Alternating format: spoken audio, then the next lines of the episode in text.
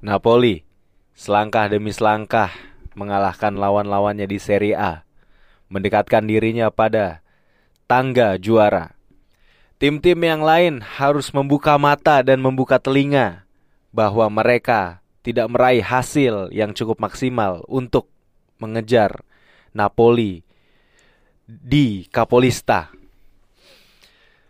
Sepertinya memang fans-fans tim lain pun harus berlapang dada karena musim ini adalah musim yang baik untuk Napoli.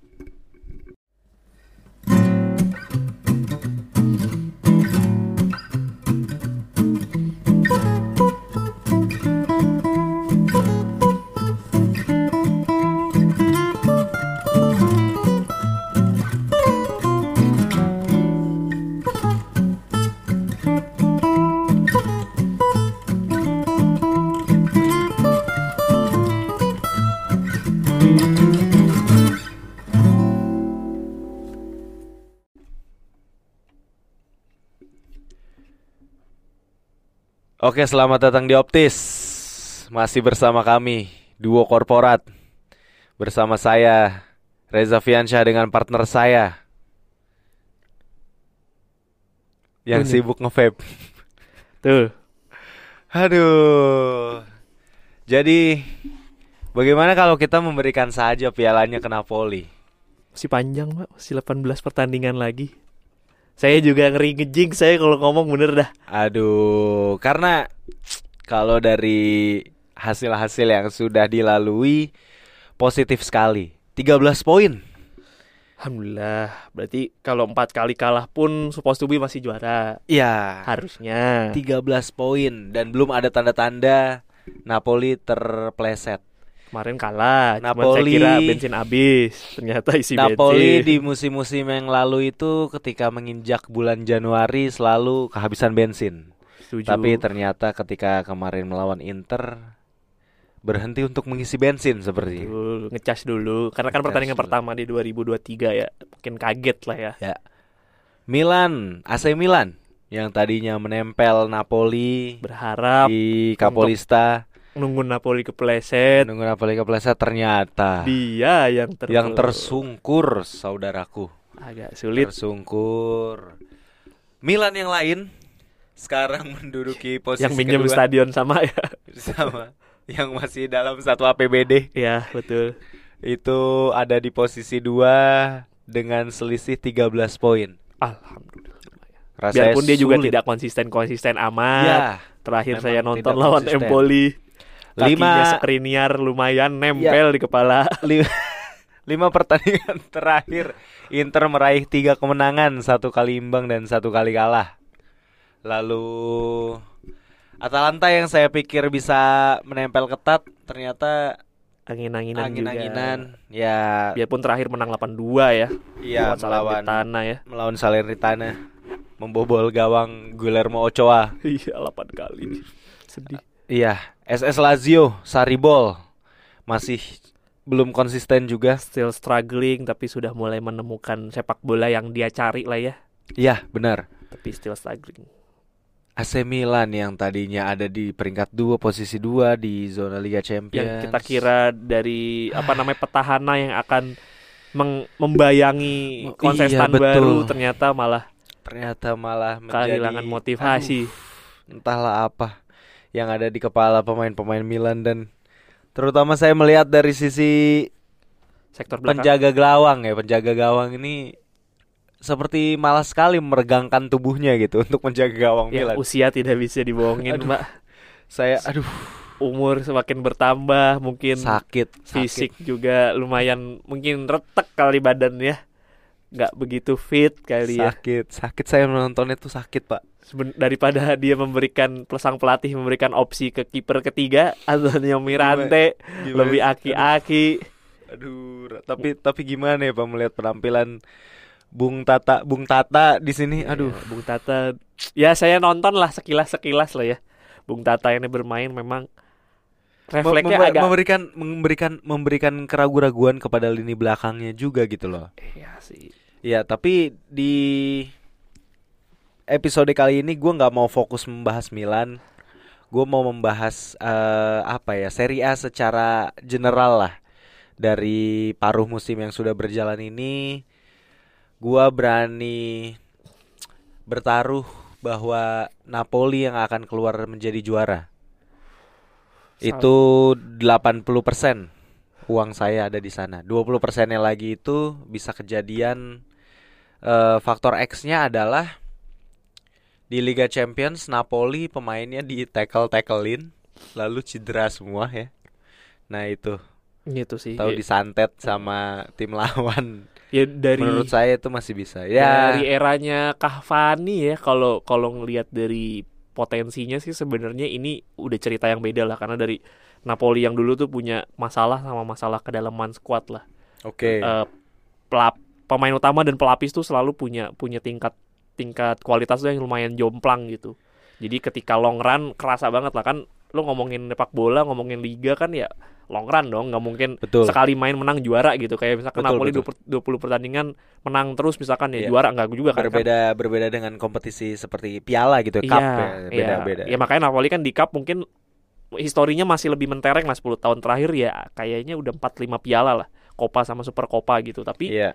Di liga kelihatan gitu paruh musim kedua selalu selalu goyah gitu loh karena pemainnya dipaksakan untuk bermain full 90 menit di dalam setahun penuh gitu dan itu kan susah ya. Betul. Nah, tapi menurut Bapak Napoli ini gue belum bilang Napoli ini juara ya, tapi Napoli ini bisa ada di peringkat satu Serie A ini.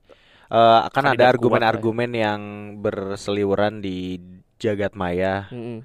ataupun di tongkrongan gitu ya, bahwa ah Serie A ini memang eh, tim-tim lainnya aja yang lagi jelek gitu. Menurut Bapak gimana? Agree, gua agree. Masalah itunya gua agree. Tapi kalau Napolinya jelek juga kan sama aja. Sebenarnya Iya, dong. betul. Make betul. sense dong. Maksudnya kalau kalau dia maksudnya kalau orang punya argumen itu gua setuju. Memang kelihatan kok tim-tim yang lain Juventus lah kita ngomongin Juventus deh Juventus itu gak stabil gitu. Secara permainan gak stabil, secara tim juga tactical gak stabil. Ya Milan di awal musim oke lah, paruh musim pertama parah gitu, tapi paruh musim kedua parahnya parah negatif. Iya. Inter juga kesulitan ya banyak tim-tim yang nggak nemuin pace-nya. Di sisi lain Napoli nemuin pace-nya. Jadi ya menurut gua ya ya begitu keadaannya gitu. Memang memang diuntungkan dengan keadaan tim lain yang lagi nggak oke juga, tentu. Tapi Iya. kalau Napolinya juga nggak konsisten, ya bubar juga kan. Gue setuju dan maksudnya ini liga jadi memang yang ada di pucuk Di dan di nantinya Vit- keluar The jadi juara itu ya The Vita Survive. Iya, dan musim ini Eh, Napoli udah Iya, benar-benar. Siapa yang bisa konsisten aja? Ataupun kalau misalnya dia tidak konsisten, siapa yang paling paling konsisten, konsisten, di antara di yang di tidak antara konsisten. ketidakkonsistenan ya? Iya. Iya, benar kayak gitu. Iya. Apakah tapi gue mau nanya Pak, menurut Bapak eh Serie A musim ini tuh seru atau enggak gitu? Secara Ah, Bapak nanya saya secara nggak general adil, Bapak nanya saya Oh, nggak iya. adil. Karena yang di, po- di posisi paling atas tim saya, Bapak, menurut Bapak. Iya ya. Bagaimana? Menurut gue sih gini, Lima musim terakhir buat gue sih menarik. menurut gue Serie A itu betul, betul, betul. Kalau gue lihat dari tarik ke belakang lima musim terakhir ya dari berarti 2020. Karena Juventus tuh dominasinya udah mulai didorong terus di, di lima musim terakhir. Iya dari 2018 deh. Dari Iya. 2018 itu Serie A menurut gue udah mulai ada gi, agak ada tajinya nih Iya, karena Juventus Napoli emang nempel, udah- Inter udah mulai nempel, Lazio, Atalanta. Juventus tuh udah mulai goyah gitu dengan kedikdayaannya dia ternyata eh, dia nggak bisa nemuin pola baru untuk untuk nge-sustain timnya dia. Timnya mak- pemainnya makin menua, replacementnya nggak ada. Sementara ada beberapa replacement akhirnya dijual karena memang dia tidak percaya dengan program jangka panjang.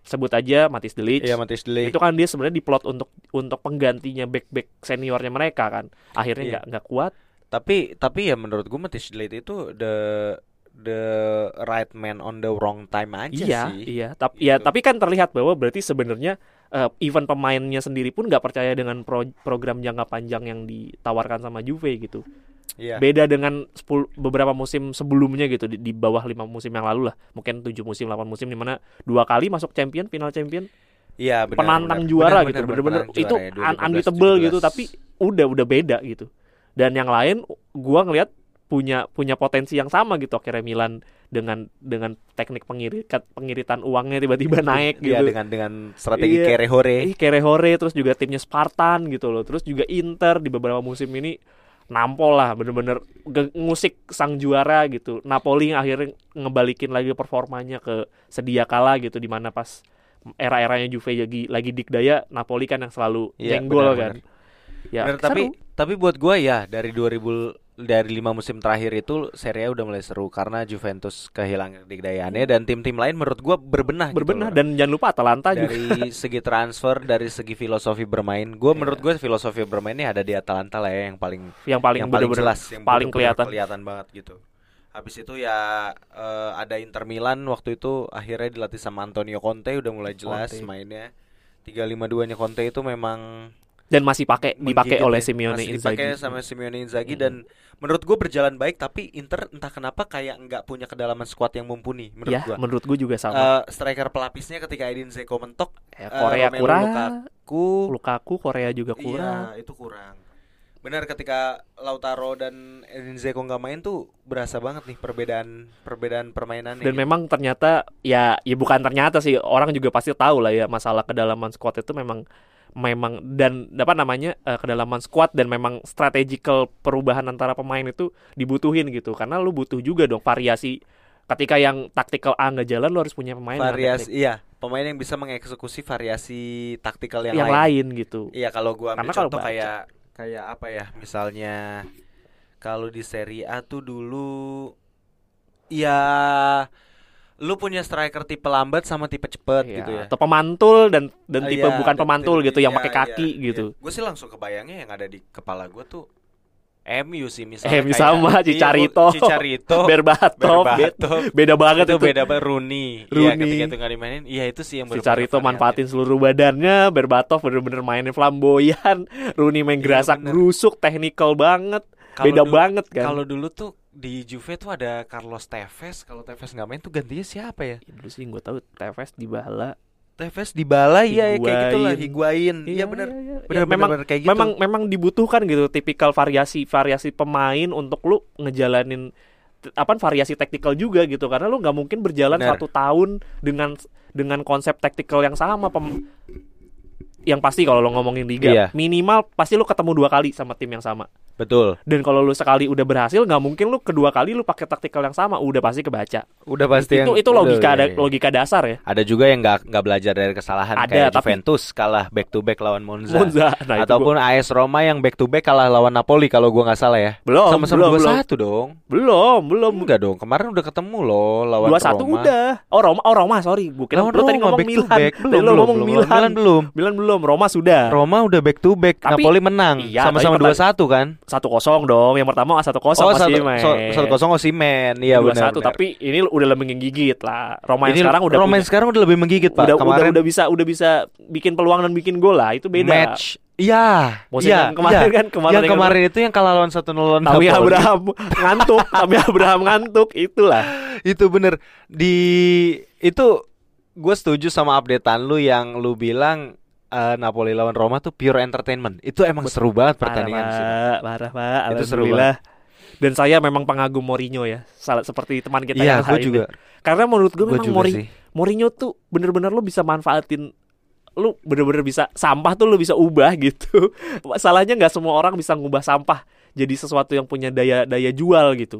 Mourinho tuh bisa. The Special Iya. One tuh bukan bukan sebutan kaleng-kaleng buat gue. Even dia yang Iya, bikin e- sendiri. even ya dia bikin sendiri, iya. itu itu bukan sesuatu yang yang salah untuk disebutkan menurut Iya. gue bener-bener di special one. Mourinho itu memang bukan pelatih ecek-ecek sih dan i- ya, ya keren lah dia walaupun bukan tipikal pelatih yang berfilosofi. pelatih mana yang membawa membawa membawa pulang tiga piala Eropa sekaligus Champions, European League, Conference League baru di special one doang, Pak. Oh iya bener. Baru Dan Mourinho bener-bener ya yang, yang, kita bisa ngomong di lima musim terakhir pelatih yang bisa ngegendong Itali di koefisien Eropa baru Mourinho. Oh, Iya, jangan jangan ngomong lima musim terakhir, dari terakhir dia treble. Piala piala Eropa mana yang dibawa sama tim Itali? Nggak dari ada. terakhir. Iya. Nggak ada. Ya sudah. Berarti nggak salah dong kalau Iya, kita bilang ada kalau ngomongin Mo- piala Jose ya. Mourinho adalah penggendong sejatinya Liga Itali.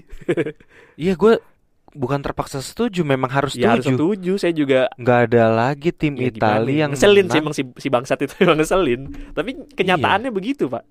Setelah terakhir treble tidak ada lagi tim Italia yang membawa piala ber, bergengsi Eropa ke kembali ke Italia. Iya nggak ada. Eh Nggak ini ada. ngomongin trophy wise ya. Trophy wise Nggak ada. iya. Maksudnya Juventus eh, menang sampai final Liga Champions ya Final. itu prestasi. Tapi Iya. nggak ada yang benar-benar dibawa pulang. Mourinho lagi akhirnya.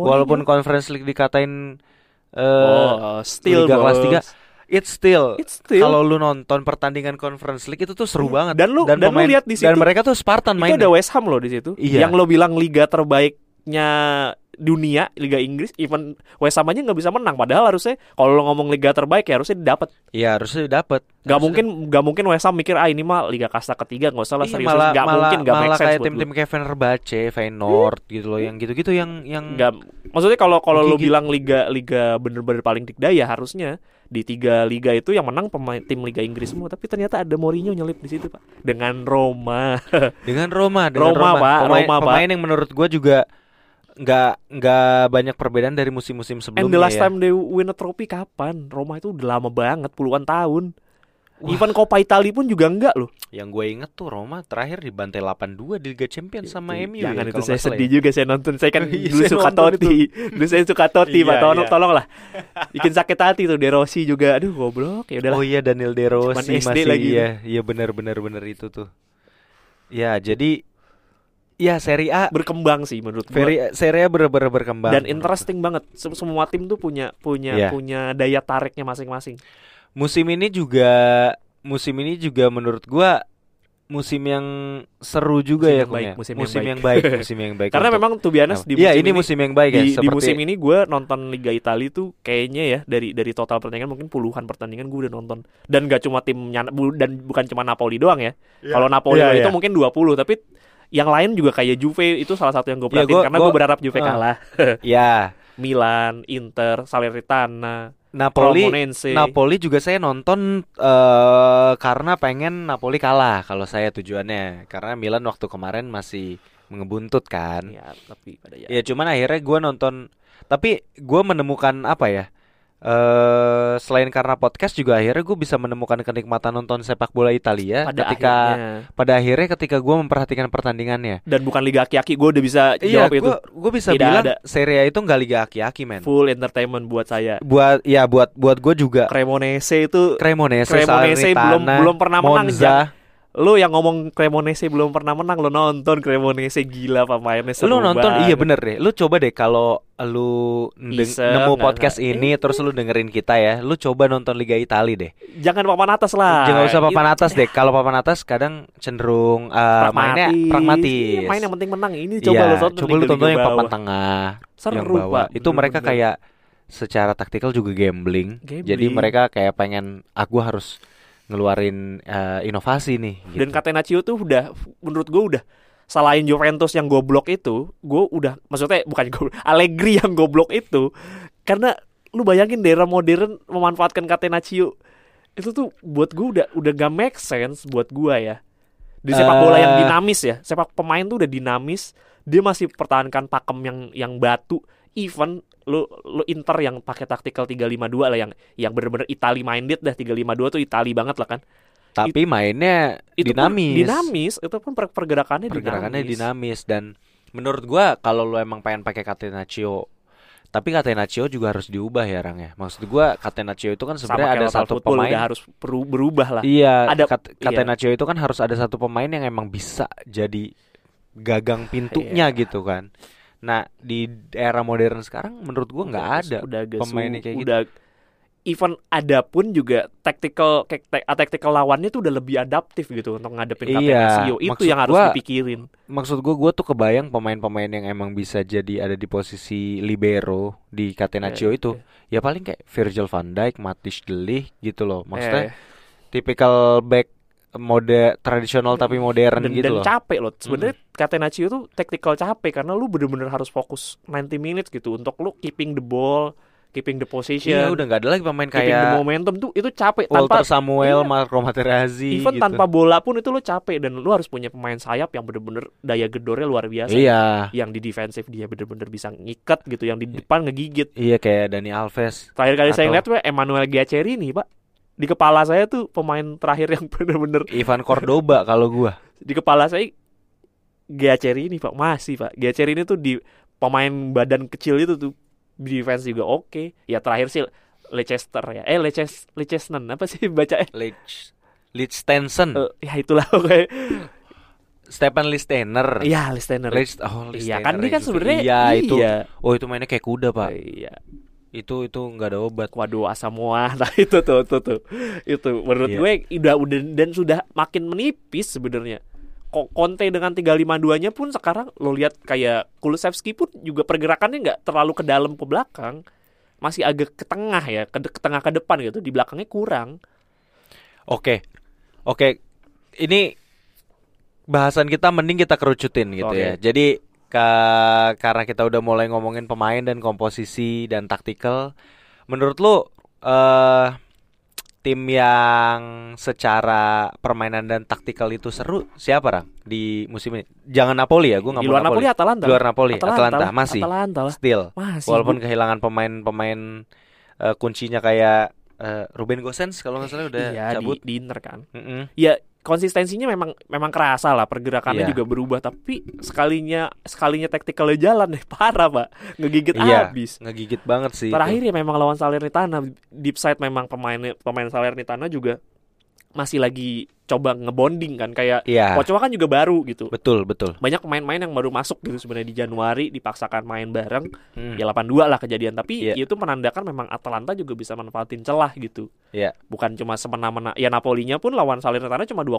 gitu maksudnya kalau lo bilang Salernitananya Iya, bobrok Salernitana- harusnya semuanya bisa menang 8-2 Salernitana gitu tuh alot sih. iya harusnya kalau lo bilang Salernitana tim jelek harusnya yang lain juga bisa menang lebih dari 8-2 gitu harusnya logikanya kan ternyata Iya. kan nggak juga Karena saya fans Milan ya, jadi saya bener-bener memperhatikan ini. Walaupun Salernitana adalah klub kesayangan kita, Iya. klub kesayangan podcast kita, tapi AC Monza ini tuh bertumbuh kalau gue ngeliatnya AC Monza gue ngeliat, bertumbuh gua ngeliatnya bertumbuh, permainannya juga ngegit. Entah nih ini efek Berlusconi apa gimana? Gue Berlusconi nggak ngerti sih. Berlusconi sih pak. Karena kan setahu gue, gue nggak tahu ya pelatihnya masih Paladino atau enggak. Tapi setahu gue udah ganti. Karena memang di paruh awal eh, nggak terlalu ngegigit deh. Setahu gue sih memang pelatihnya awal Paladino, cuman gue nggak tahu sekarang siapa. Masih masih, Masih Rafael, Paladino. Rafael Paladino. Eh, Masih Pa- Paladino. Paladino tuh kalau bapak tahu dulu main di Juve pak. Itu salah satu pemain kesukaan saya kalau di FM tuh. Dia Marone itu Marone Oh, itu dia Luka Marone itu seangkatan Luka. Marone. dan itu dia satu tim pak sekarang satu pelatih satu pemain Masih muda, Rafael Paladino, Paladino. itu 38 tahun, Pak. Setahu gua se- pas awal musim itu Monza itu Paladino tuh bukan pelatih setahu gua ya. Dia ini Dia ya. asisten setahu gua. Oh, setahu gua iya. ini caretaker. Ah. Ya, eh, correct me if I'm wrong lah. Baik, baik, baik, tinggal tinggal cari di Google lah, gampang. Iya, lah. iya. Tapi intinya Paladino juga gua nggak tahu karena tactical atau memang karena dia di di ruang ganti ya. Karena kadang ada tipikal pelatih yang tacticalnya gitu-gitu aja Ancelotti tapi di di ruang ganti ternyata Ancelotti. bisa menyemangati gitu kan. Ya, Ayo benar, main benar, bagus, benar. main bagus gitu. Ternyata bagus, bisa kan. Bener. Tapi Monza salah satu tim yang Ya, bertumbuh. Uh, kelihatan ya, kok. kelihatan. Dan bertumbuhnya setelah menang lawan Juve di paruh musim pertama sih. Jadi langsung Iya, itu kayak titik balik ya. kalah kalah Maksudnya- kalah ketemu Juve menang udah dari situ poinnya juga menang sek langsung ke papan Mungkin tengah. dunia juga jadi ngeh Monza ini ngegigit karena ngalahin Juve ya. Pasti Betul. pemberitaan-pemberitaan di betul lah ya eh, let's say kayak goal.com yang internasional kan jadi headline gitu semua kan. pasti pasti Semua matanya pasti kelihatan matanya lah. kelihatan. Nah, terus dari situ juga Monza eh, emang mainnya juga bagus sih, Ran. Iya, Iya, Mainnya- setuju dan pemainnya juga materi pemainnya bukan yang Materi jelek ya. pemainnya bukan yang jelek gitu. Bagus kok menurut gua. Iya dan merata lah. secara racikan juga Oke eh, lah. ngebonding gitu mereka bonding bonding. bonding. Oke lah menurut gua oke kok Eh, untuk untuk bertahan di papan tengah salah satu yang tim yang layak lah gitu untuk untuk merangsek ke papan atas gitu lah. Iya, Salernitana juga klub kesayangan kita ya walaupun inkonsisten lagi, ya pada akhirnya tapi- kon- inkonsisten juga. tapi secara permainan udah cukup udah lebih percaya diri lah Oh, gitu. iyalah. Ya semoga sih ini jadi musim keduanya dia di Serie A ya dan Iya. akan terus jadi musim-musim berikutnya I- karena yang di- salah satu Betul. tim yang yang menarik lah Yang- buat buat Iya, yang lah. yang menarik, permainannya gua menarik Pemainnya pemainnya juga bukan pemain dan kelas kacang kayaknya ini pema- klub yang punya duit juga. punya duit salah satunya dia bisa ngambil Ochoa terus juga Piatek ada di Piatek, situ. Abdullah Yedi banyak lah Abdullah pemain dia. pemain-pemain yang men- lumayan mentereng lah bu- buat gua lah mungkin kalau kalau lo bisa searching maksudnya yang lagi dengerin bisa bisa lihat Iya, benar-benar. Salernitana tuh bukan bagus, yang kacang-kacang bagus. dulu ada Ribery Bagus, biarpun bagus. Ribery di akhir akhir masa ininya ya pensiun ya cuma Iya, menurut gua Christoph Piatek pas Kuali Mazuchi. Federico Bonazzoli, Antonio Bonazzoli, Candreva dari situ. Candreva, ya banyak lah, Ih, biarpun gila, banyak yang udah udah aki-aki sih. Iya, Cuman tapi still lah.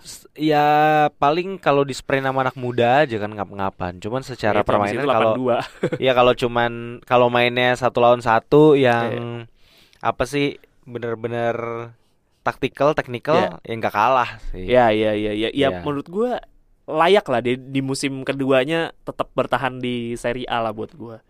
Eh, menurut lo Lecce? Lecce gue suka. Lecce itu salah satu tim yang lumayan apa ya? Spart mungkin gue bisa bilang Spartan ya.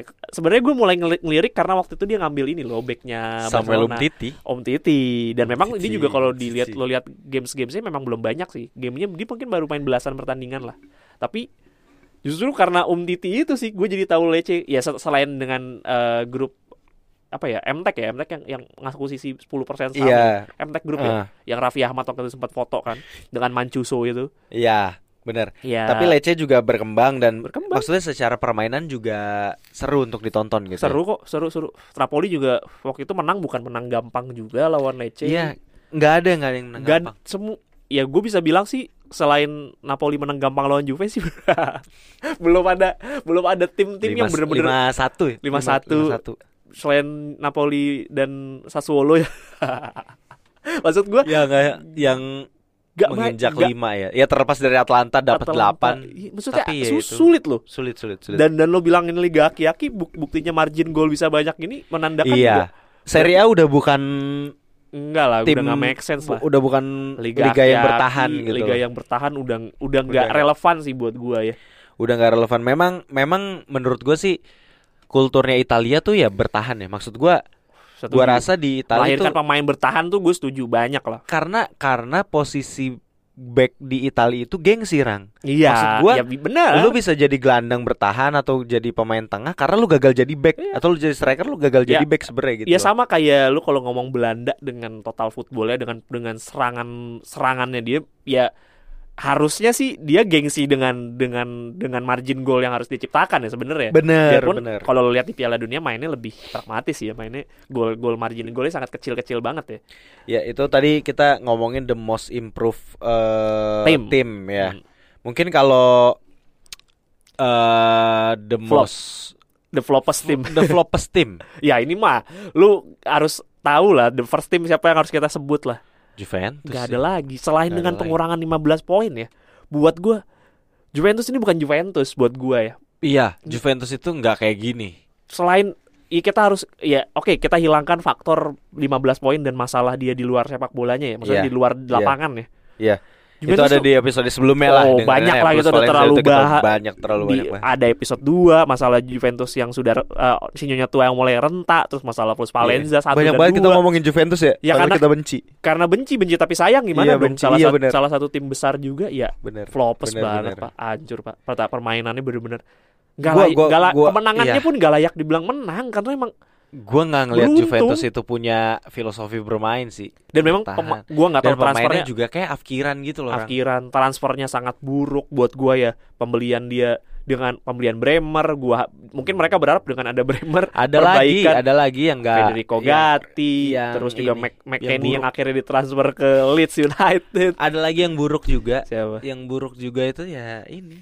Milan nggak beli siapa-siapa. Nggak ada dia merasa urgensi ada. lo kalau Aduh. gua masih belum setuju sih kalau lo bilang selama ini gua nggak setuju tapi kalau. Januari iya developers team in Januari Januari oke. maksud gua. Januari oke Januari. lah Januari oke lah tapi overall sih sampai pertandingan 20 menurut gua masih layak dipertimbangkan lah Milan di Iya. Champions League masih masih oke lah Gua rasa titik baliknya pas lawan Inter hari Minggu besok sih. Kalau Milan gitu ya.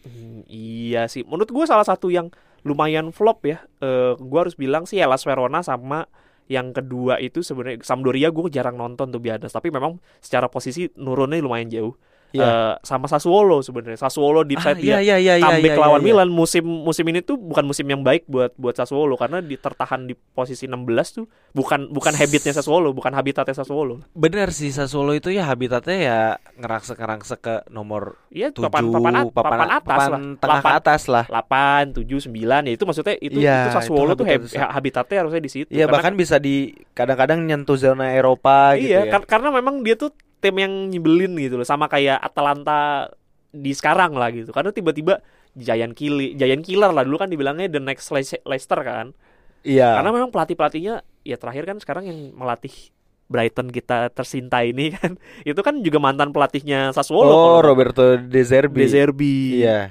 itu itu pelatih yang dihasilin juga bukan yang kaleng-kaleng Oh iya bener ya Sassuolo. Memang iya, lagi- Roberto De Zerbi Sassuolo ya. dan memang lagi musim ini menurut gua mungkin dengan Milan dengan mengalahkan Milan titik balik tapi gua nggak Eh, tahu Lu tahu nggak Sassuolo itu tuh gara-gara ada Domenico Berardi aja itu.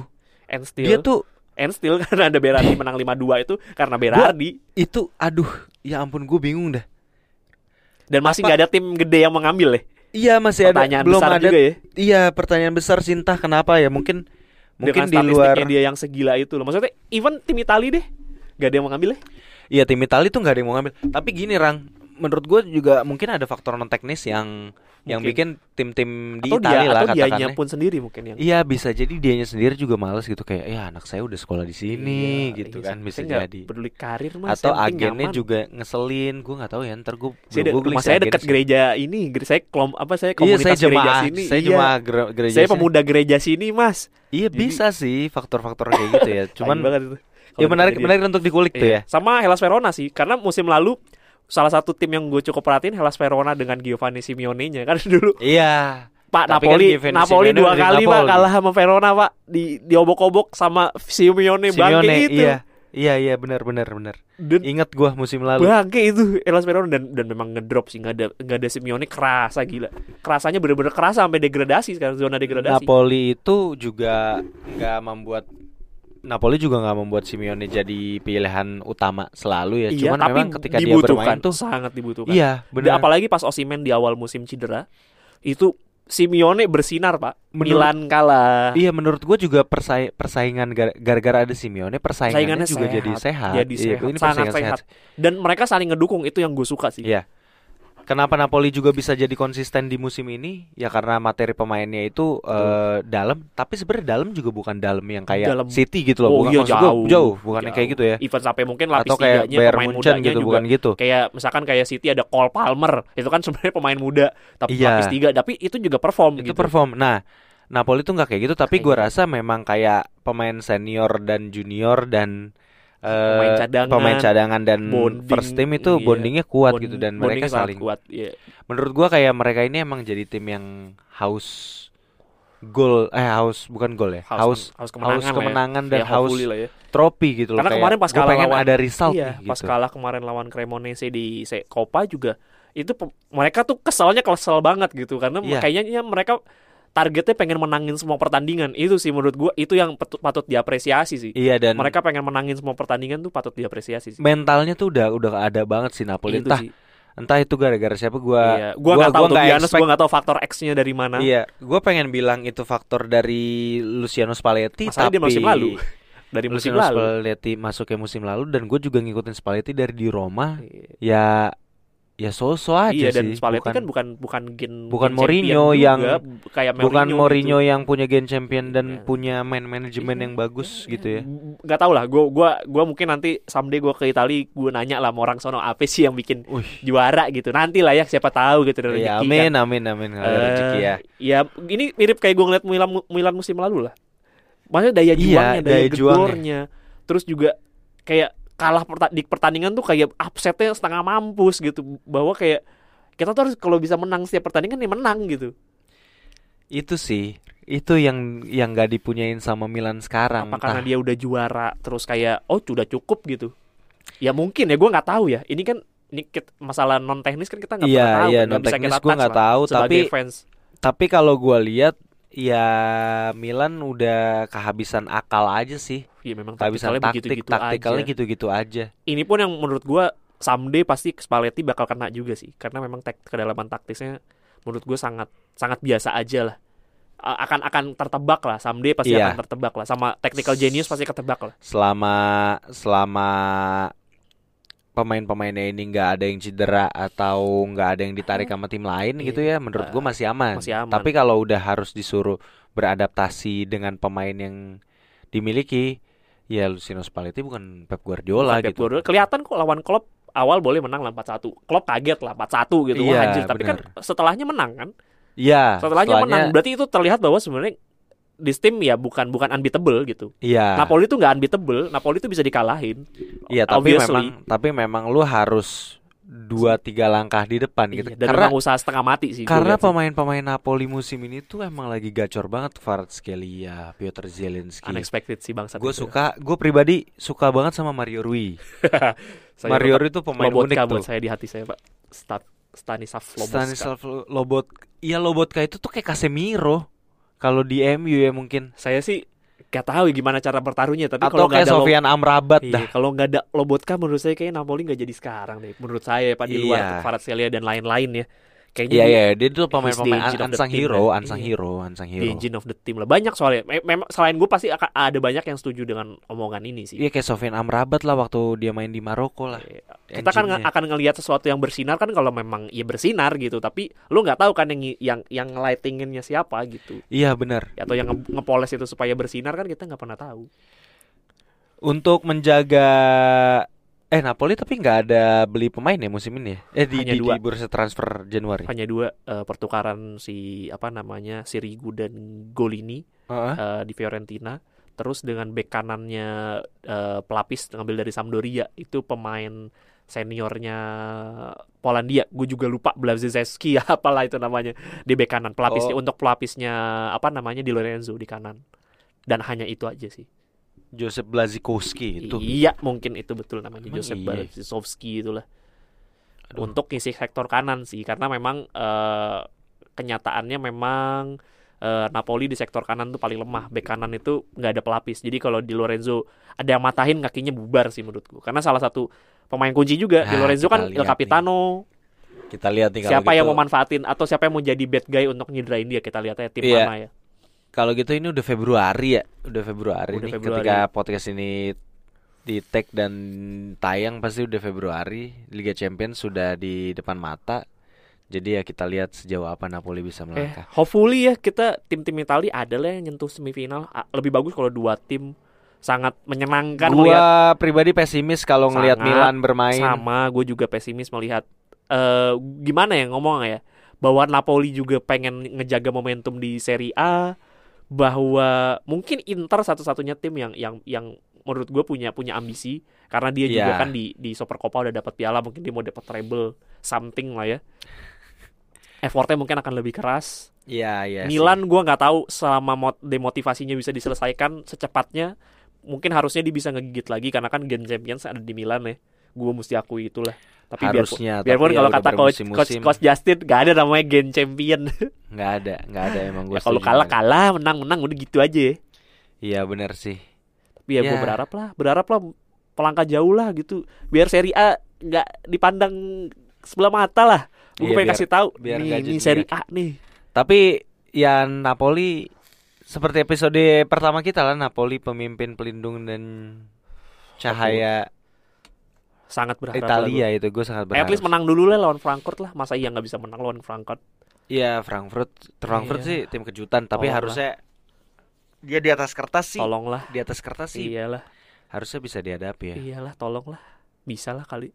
Ya udah kalau gitu kita udah dapet lah. Iya. eh, tim yang paling konsisten Napoli, tim paling flop dia di Januari. Ada Milan yang Dan- paling flop keseluruhan. Ada Bap- Juventus, eh, Hellas Bianconeri. Verona dan Sampdoria, iya. Sassuolo. Sassuolo Ya yang the the most improve itu kan ada kalau kalau kita urutin dari yang peringkat ke bawah ke atas itu ada Lecce, Salernitana, Monza.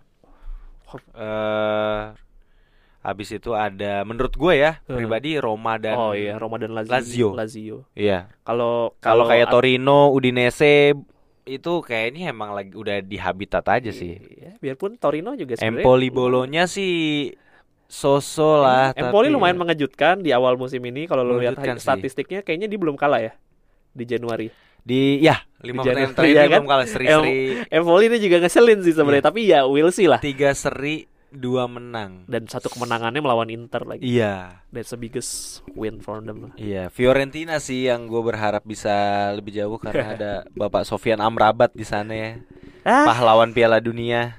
ya begitulah Ya, Fiorentina dari dulu saya tidak bisa bicara apa-apa La Viola selalu seperti itu dan akan sepertinya seperti itu terus ya. Ya, baiklah kalau gitu. Kita gua bener-bener eh, bakal menyimak terus perjalanan Serie A musim ini Iya. karena gua gua ber- jujur berharap ada kejutan-kejutan paling enggak entah Napoli kalah atau ya paling enggak tim-tim lain tuh Sangat-sangat lah sih, harapin. gua j- gua nggak berharap Napoli kalah atau apa lah itu whatever lah. Tapi gue berharap tim-tim lain juga bisa lebih ngegigit. Iya. Jadi ngasih tekanan ke Ngasih Napoli. tekanan gitu. harus lah menurut gua Jadi kalau emang Napoli mau juara ya memang dia juara sejati gitu. gua Setuju nggak mau tahu ya maksudnya gua gua nggak berharap menangnya tuh menang gampang kayak ala-ala Juve seperti sebelum-sebelumnya lah. Uh, Kasihlah tekanan. sekali. Iya, maksud gua kasihlah tekanan gitu loh ke ke ke pem- pemangku pemangku tertinggi gitu bahwa Tron nih gak semata-mata gua kasih buat lu adalah tekanan lah harus gitu lah biar buat liganya menarik juga dong Iya benar. Akan lebih menarik lagi kalau misalnya AC Milan bisa beli Kaoru Mitoma misalnya. Wah itu itu mah kayak Napoli tolong lah tolong ini harus ada yang Tolong beli. Mitoma lah Harus ini ada yang beli A nih. Mitoma Serie A nih. aduh bangsat tuh Mitoma bangsa Aduh, aduh, aduh. Ya udah deh kalau kita bahas Mitoma bisa satu episode Iya. sendiri. Kita sudahi saja dulu Iya. episode ini. Thank you. terima kasih